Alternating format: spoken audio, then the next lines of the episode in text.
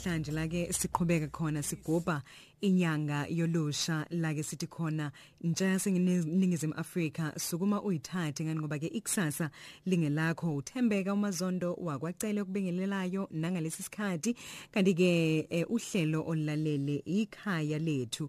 Njengoba sikuyo lenyanga yentsha ziningi indawo umuntu abizwa kuzona esihambe siyokwethamela imicimbi yahlukahlukene ehleleleke abantu abasha. Kanti ke emasontweni amabili edlule eh sinaye uSipho Mbatha sike sahamba samenywa lapha ya e Word of Hope Ministries. Nokuyisonto ke leli eh eliphethwe ngumama nobaba uSimelane. La ke khona bekade kukhulunywa eh nentsha. Kanti kokwangihlaba umxhwele kakhulu ukuthi ke babize isikhulumi esasivela ke enhlanganweni elwa ke nezidakamizwa. Eh kwakhuluma ke wesifazane igama lakhe okunginozipho ngabona futhi ukuthi cha kufanele ukuthi umlayelo Khosi FM ayizwe le ndaba.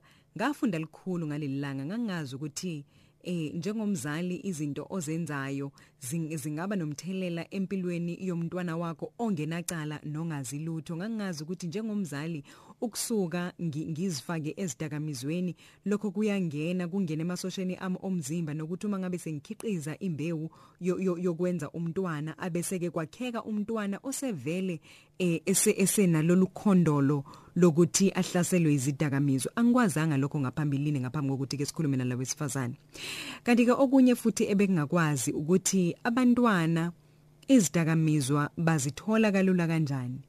Nokuthi izinto esizisebenzisa emakhaya nsuku zonke bangaphenduka bona babone izidakamizwa kuzona. Kuningi esakufunda kanti ke eh ngizozama nje ukuthi ngikulalelise ngani ngoba komuntu wathola nethuba lokuthi ke aqophe ngalelo langa. Kodwa ke ngenxa ukuthi ke isikhathi sethu siyayisibe sifishane kakhulu ukuthi ke singayiqeda yonke inkulumo mhlawumbe ke ngesonto elizayo sizobe ke sesikwazi ukuthi siqedela yonke inkulumo kepha ke namhlanje ukhulume ngohlobo olulodwa lesidakamizo wayekade ke ekhulume ngeintathu sezizonke. So sizozama ukuthi ke ngesonto mhlawumbe elizayo abese ke sikunikeza zonke lezi zinye inhlobo zezidakamizo kodwa ke mzali angikutshela ukuthi kuzokumangaza kakhulu lokho ukuthi ekhaya lakho lezi zinto ezisebenzisa nsuku zonke abantwana bayakwazi ukuthi bayithathe bayisebenzise zibe idakamizo uzophinde futhi ubone ukuthi kubaleka kanjani ukuthi njengomzali eh uqaphele izinqumo ozithathayo empilweni. Sikakhulukazi uma ngabe usakhula ngani ngoba kungenzeka ukuthi zihluphe inzalo yesisu sakho ngokuzayo noma ke zihluphe inzalo yakho ngokuzayo.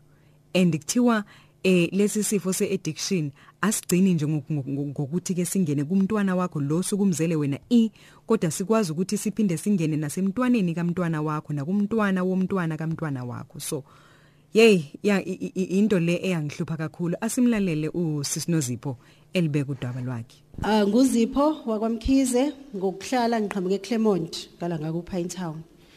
Ngifounder yeorganization ebizwa ngekati youth in action. Ngizokhuluma ngale part esingayazi isidakamizo ngiqale iorganization ngo2013 siba u4 ekhaya mina ngunumber 3 nginobhuti wami ubebizwa ngenkosana. Ngibe nosisi wami abizwe ngenkosazana. Kube yimina ungqongqosho ngenasikhundla kube usisi wami umagcino. So ubhuti wami bekukuphela kwakhe ekhaya. Uqala ukusebenzisa isidakamizwa eneminyaka u13 uqale ngebenzini sonke siyazi ibenzini abangangathi bayazi bekuqalwa ngayo ke isikhulu uqale ngebenzini ena 13 years ushone ngo2013 ena 41 years ebulawo overdose izidakamizwa. Akazange abulawe yenye into. Ungene waphuma ebhedlela kwasho ukuthi into isikhona egazini umzimba wakhe awusakwazi ukuphila ngaphandle kwesidakamizwa. So ngibeke sengiqala iorganization ebizwa ngekati youth in action. Engizocela nje ukhipha inamba yayo njengamanje ngoba ngisazoxoxa ngize ngikhohle ukhipha inamba iorganization isiza kakhulu ke ngeinhlelo eziningi ezihlukene siqala kwi prevention program engizosimase ngixoxe nani understand ukuthi njengoba uhleli la awufani nomuntu ongekho la unenhlanhla.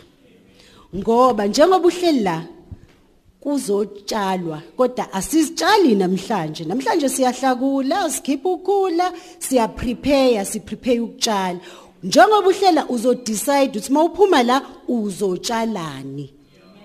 Ngoba ukungena kwethu ushintshana kanje singena nezimbewu ezingafani uzochuza mawusuphuma la ukuthi wena njengoba sihlakula senza yonke into uzophuma utshaleni. Inamba yasekatsi youth in action ithi 081 093 7599 siyatholakala ku Facebook page. Uma ungena uthi katsi u K A T S I katsi youth in action. Sebenza abantu abashake lapho bakwi action so ukuqala kwami nje ngikhulume ngiyafisa ukuthi uma unepen nephepha likhiphe ubhale. Ngoba khona ozokukhohlwa. Kanti ukusuka kwami la njoba ngithe ngizoshiya insimi i-ready uzodecide ukuthi utshalani uzodinga ukufuna enye information ufuna ulwazi uyihlupha ukuthi uzotshalani ngoba uzotshala. Yini addiction? Iyini addiction? Iyini addiction? Uyibuza kuthiwa ama addict hayi amaphara hayi imidlansango uyabona? Amahlongandlebe. But sikhuluma ngeaddiction. Iyini addiction? Addiction is a brain disease. Yini brain disease? Isifo esihlasela ingqondo. Abantu abama addict labantu asuke sebengene bagxila kuyidakamizwa notshwala basuke begula. Ukugula kwabo kuhlasele umqondo. Kanjani? Ngoba uphuza ngomlomo ubhema ngomlomo wakhe. Isifo esihlasela ingqondo. Uma sengithi ke iaddiction it's a brain disease isifo esihlasela ingqondo ngichaza ukuthi ngeke uphume kulesifo ungalashwanga. Awukwazi ukuphuma kusona ungalaphekile ngoba once sathi kune disease noma kunesifo sekudinga ulapheke. Ungena kanjani kulesifo sikuphatha kanjani lesifo zimbili inhlobo ohlaseleka ngaso uhlaselwe lesifo kunama environmental factors. La khona wena nabangani bakho. Nithathana ni try ni try izinto. Engaba yini noma yini? Ni try izinto. Kanti uzitry nje lezi zinto uintroduce izinto emzimbeni wakho ukhumbula ukuthi umzimba wakho uNkulunkulu udesignele ukuthi kungene ukudla kungena amanzi kungena imedication phela. Ayikho enye into ekufanele ingene emzimbeni wakho into ezu3 but ngesikhathi ke wena uthathana nabangani bakho kumnandi uthatha lento uintroduce emzimbeni wakho uyawufundisa. Kuyenzeka ke ngesikhathi abanye bayazi sikhathi uqala ukubhema kuyenzeka mhlawumbe ube nesiyezi phathwe isiyezi canicani inhliziyo ukuthi iphalaza kwenzeka izinto eziningi ngoba umzimba usuke ukukhumbuza hayibo khonto oyifakayo ayifanele ukungena la lento but ngokuthi uhleli nalabo ohleli nabo bathi hayi mfethu kujwayelekile. Yabo nje ufuna ukuthi mangabe udonsa mhlawumbe ugwayi wakho bese intuthu uyayiholda bese uphinda uyikhipha. Kanti umzimba ubukutshela ukuthi hayibo ungayifaki ayingeni la ibelong wenza izinto ezithile mawuqala ukubhema. Environmental factors singena isifo sihlasele indlela yesibili yilesithi ama genetic factors. Ama genetic factors yile ewukhondolo yile phethe mina. Mina i'm a born addict. Ngizalwe ngiyi addict ngisuleleke ngalesifo ngama genetic factors. Ubaba wami was an alcoholic. Washona ena 39 years ebulawa hepatitis B. Hepatitis B isifo esihlasela isibindi uma uphuza kakhulu. Therefore washona ena 39 years eseningane ezu9 kulezi ingane ezu9 was 3 boys 6 girls. Abafana bobathatha basekho kuma wamsu4 but abafana bobathatha basekho babulawe isifo esisibiza ngeaddiction. Laba babili was activities izinto ababezenza ezazincike ekusebenziseni idakamizwa. Kodwa ubhuti wami purely ukusebenzisa idakamizwa. Genetic factors enzeka kanjani na? Uma kwakheka umntwana ke kube khona ubaba kube khona umama. Ukuba khona kababa nokuba khona kamama beza namagazi abangafani. Uma mina sengiyi-addict senginama genes isisemzwe isiwukhondolo lento kumina. Ngiza mina nama genes ane addiction ukuzofoma lo mntwana. Kumama ongenawo ama genes addiction ukuzofoma lo mntwana. So kuzohlangana ama genes wami mina addict njengoba ngithi mina ngiyiborn addict ama genes wami ebantwaneni bami engibakhile ba ane contribution yama yama jeans wami. Abantwana bami banama banama jeans wami. Therefore nginabantwana abawu2 bayazazi ukuthi bakwi risk factor ngoba uma wabo is a born addict because i addiction uma iza nge genetic factor ithatha ama generation awu3 ukuze ibuye iphele. Yizeke kaNkuluNkulu noma kaJesu sazi ukuthi ayikho into edlula yena but this is a research effect. Yabona into mayisiresearchiwe isuka effect ngifuna ukudlula kuyona ukuze wazi ukuthi njengoba uhleli lapho uphume emndenini onjani. Uzomfundisana umntana wakho ngoba abantwana bathi bekhula kufuneka balazi iqiniso ukuze akwazi ukuthi uzomapi yena. So there are people njengoba sihleli la abantu abazalwe nama genes addiction abantu abazalwe nama welcoming genes. Going back to umzekelo sengiwenzile ngesikhathi nizo influence ama environmental factors. Abantu abakwi risk ama environmental factors abantu esithi ama ama adolescents ma teenager uma ngabe nihleli ni try izinto nama teenagers ungazazi ukuthi ukwi high risk wena ngoba uyi born addict. Uzogaxela egaxeleni kwakho ngeke ukwazi ukuphuma. Igate lokungena livulekile but elokuphuma lincane kakhulu kuwena. Rather don't try. Kuye kuthi mase kumnandike sesihleli ekukhuleni kwethu namanje njengoba sengimdala siya socialize ke uma sihamba uyabona? Eh ngokwekufunda nakwe level yempilo but i don't even touch a glass of wine ngoba i was born with ama welcoming genes. Once ngaqala ngeke ngikwazi ukuyeka. I'm one of those people. Ongabamba iglass avala amehlo mangabe iglass la ngivula khona amehlo ngithi ngithi awungithelele. Ngoba i was born nalama jeans awelcomeayo athi yaze yamnandini angiyena lo muntu othi mayeqale wathi uyabhema ngiphathwe isiyezi ngibe nenzululwane ngibe nenhliziyo encane cha cha. Once ngaqala ingqondo yami icabanga leyo nto kuze kube ingakusasa ngithi ngivuka ngakusasa ngithi bafethu ahlanganiseni phela. Ngoba i was born with welcoming genes angifani nalomunye ozozitraina yena izingene lento egazini azayijwayele. Athi mayisejwayele bese uthi umzimba ngiyayifuna. Okay. Wabanike abakwi risk yokuhlaselwa yilesifo sibuka abantu abasha iyouth. Yazi into efaka emzimbeni wakho. Ngoba lo mzimba lo usafuna ukuthwali uya investa kuwona. Mawufaka into uya investa kulomzimba azi ukuthi ufakani. Ngoba usafisa ukuthwale iminyaka ewu60 ewu70 ewu80 uma ngabe umzimba uzothi ufaka into ukutshela ukuthi ungayifaki uyiforce into uintroduce uyifaka umzimba uzuyamkela lo mzimba wakho ngeke ukuthwala isikhathi eside. Abanye abantu ke bahlaselwa yilesifo sebekhulile sebengangami. Sibhekana nama depression sibhekana nama anxieties sibhekana ne stress sibhekana nezinto eziningi ezisinika ingcindezi emqondweni uzuthi yo bese thoma umuntu yazi yini glass of wine uzo relax uyithatha iglass of wine uyitry. Kanti uyitry nje uzoba nalesifo through environmental factors or genetic factors. Noma ingayiphi indlela isifo sakoda siyangena. Ucwaningo ke olwenziwe ama American Society of Addiction Medication ngifunde kakhulu ngisafunda namhlanje ngeaddiction because ngaluza ubhuti wami ukuphela kwakhe. Through lesifo angiyeke ukufunda kuze kube namhlanje. Okuvelayo okuqhamukayo okuwusizo ngiyakwenza. Engingakushare nomunye umuntu ngiyakwenza ngoba okwehlela umndeni wakamkhiza ngifisa ukukwehlela usulapho ngoba ukungazi kuyambulala umuntu.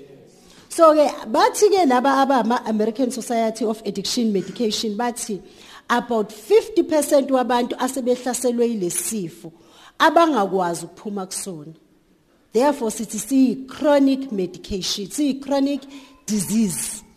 Uma si chronic sifana noshukela sifana no diabetic diabetic sifana no cancer zonke lezi zifo esithi ayilapheki uphila nazo impilo yakho yonke. About 50% wabantu abahlaselwe iaddiction abangeke besakwazi ukuphuma noma ukuphila sebe free from addiction kodwa bazophila impilo yabo yonke nayo. But noma kunjalo uyakwazi ukusurvive. Usurviveiswa yini? Uthola i-treatment. Treatwa phi? E-rehabilitation. Mawusuye ema-rehab isayintsha ke lento emphakathini wethu. Thina abantu abamnyama kakhulukazi because asikakazi. Kade ngifunda nje kakhulu enye incwadi ebhalwe umunye umbhali owasungula isober house. Uthi uma ngabe uphuma erehab kufanele uyohlala esober house ngoba isober house isakusave usasuka ngoba kushintsha wena kushintsha umphakathi. Uma wazi ukuthi isidakamizwa noma utshwala noma ini uyitholaphi akusho ukuthi labo bantu bazovala but kushintsha wena. So once wa recover engathi ungahlala esober house uhlale nje ngoba it takes about 2 years for the brain to recover. Ukhumbula ukuthi ngithe addiction is a brain disease. Since kuyi brain disease kuthatha up to 2 years ukuthi umqondo urecover kahle. Mawusu recover kahle umqondo that is when you can able ukuya emphakathini. But mawusu semphakathini thola ama activities azokusiza. Thola ama aftercare azokusiza. Thola abantu ama group ozoxoxisana nawo nabantu abanesifo esicishe esifane nesakho eh kufanele uqhubeke unakekelwe kumonithwe isifo sakho kufanele saziwe ekhaya. Isifo sakho vuleleka isho ithi i'm a recovery addict. Ngoba uyalashwa uyaphila. Hayi ukuthi uthi uyalashwa uyaphila. Ukuze mangabe umuntu one asthma ekhaya sonke siyamazi uma kushintsha iweather siyazi ukuthi yo iyashintsha iweather. Umuzi umama ethi hamba ugqoka ngoba uzosima usuvuka ilento yakho. So kufanele ulazi idrug addiction is not a choice but a drug is a choice. Sengiyichazile addiction sonke siyaqonda ukuthi addiction is not a choice. Somehow siyangena isifo. Mase singenile isifo egazini kuye ngokuthi singene kanjani? Singene ngewunga singene ngotshwala singene ngomgwinyo singene ngensango sekufuneka nazi ukuthi leso sifo esimphethe ubonakala ngani ukuthi siyambuyela manje. Therefore mangabe urecover fanele ekhaya bazi ukuthi i drug of choice yakho ibonakala ngani mangabe usuyisebenzisa noma usubuyela kuyona. Sizobuka inhlobo zama drugs inhlobo zama drugs ngokuyihlukanisela mina kwami emva kokufunda ngiyikhathaza ngokwazi ngama drugs ngiyeke ngiyihlukanise kathathu. Ngithi inhlobo zama drugs zihlukene kathathu. Kunema drugs esiwa categorize kwi medication ihlasele kubantu abasha incika medication njengamanje abantu abasha bahlaselwe idrug eliyingozi ngendlela yesimanga incika. Bayalazi. But the problem now is aniyazi i long term side effect yencika abantu abami. Aniyazi. Nazi incika umuthi wokukhwehlela siwuthenga over the counter asidingi prescription bayasithengela emakhaya njengoba kubusika nje. Hey asincika sinciki hey asincika sinciki uwena mzali oprovide umuthi womkhohlane ubeke phambi komntwana umntwana ayithengela isprite amix umuthi womkhohlane nesprite awuphuze.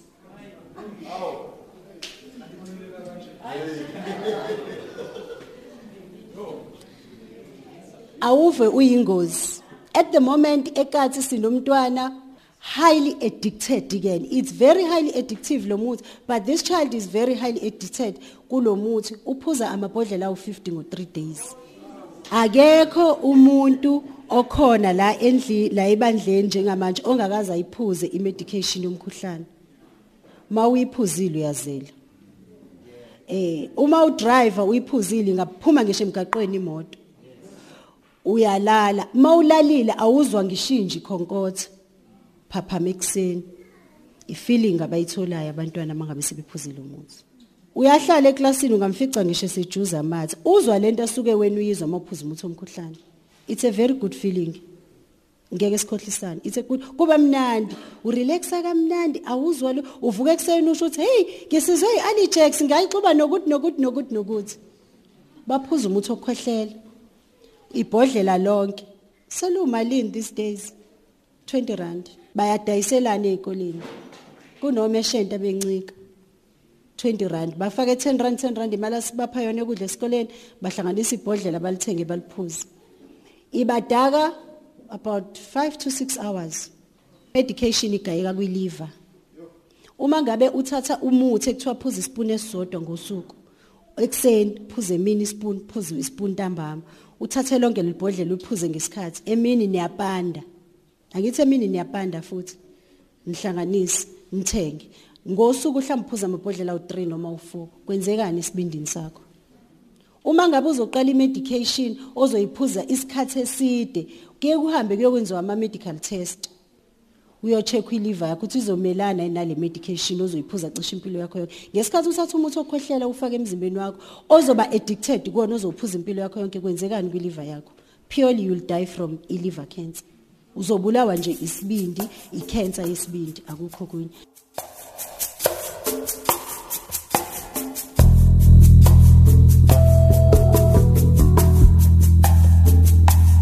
engingakusho emveni kokuthi ke sizwe uNozipho ekhuluma ukuthi mzali kubaleke kakhulu ukuthi umntwana wakho umazi usondelane naye wenze ubuhlobo wakhe ubuhlobo akwazi ukuthi axoxisane nawe. Uyabona ngesonto elizayo uma ngabe ke sesiqedela lenkulumo uzozwa ukuthi abanye abantwana abangeni ezidakamizweni mhlawumbe ngokuthanda kwabo kodwa ke bafakwa ngabanye abantwana abafunda nabesikoleni ngenxa ukuthi nabo besuke bethunyiwe abadala basemakhaya labe sibabiza ngomerchant okuyibona abaphusha lezi zidakamizwa.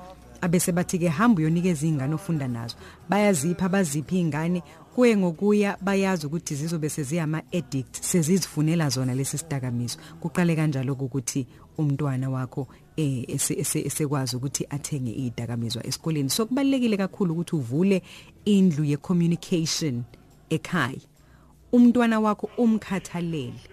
Ukwazi nokuthi umbheke uma ngabe suke e-, ebuya esikoleni ungajajuliswa nje ukuthi awubakithi ukhathele uyalala. Njalo uma ebuya esikoleni uyalala bheka ukuthi kungani walala zonke izinsuku futhi angalali isikhathi esincane kodwa uthola ukuthi ulala for very long hours. So izona zonke izinto lezo kufanele ukuthi ke siziqaphele singabazali. Akuze kubeke isonto elizayo uNkulunkulu anigcine anibusise kanti ke asilekelele futhi intsha yethu sikhulekele kakhulu eh ngalesikhathi samanje. Ngani? Ngoba ke iyasidinga njengabantu ebukela kubona. Kanti ke khumbula ukuthi uma ngabe unembono mayelana ke nohlelo kanye ke ufisa ukuthi ke uhlanganyele kanye nathi kulona uhlelo i-email address yethu ilula kakhulu. Uzondo tq@sabc.co.za email osipayela kuyona leyo zondo.tq@sabc.co.za ngiyangizame ke ngakho konke okusemandleni ukuthi ke ngiphendule eh imiyalezo yakho. Ngesonto elizayo sizobe ke sesiqedela le ndaba esiqale namhlanje. Mlelo Khosi FM usale kahle. Hilde og Anne Her kjenner hun seg trygg Bak løvens brede rygg Det gløder dypt i berget. Av gullet. Det gror av fjell og ørken. Det bunger av mat i tusen år. Tålmodig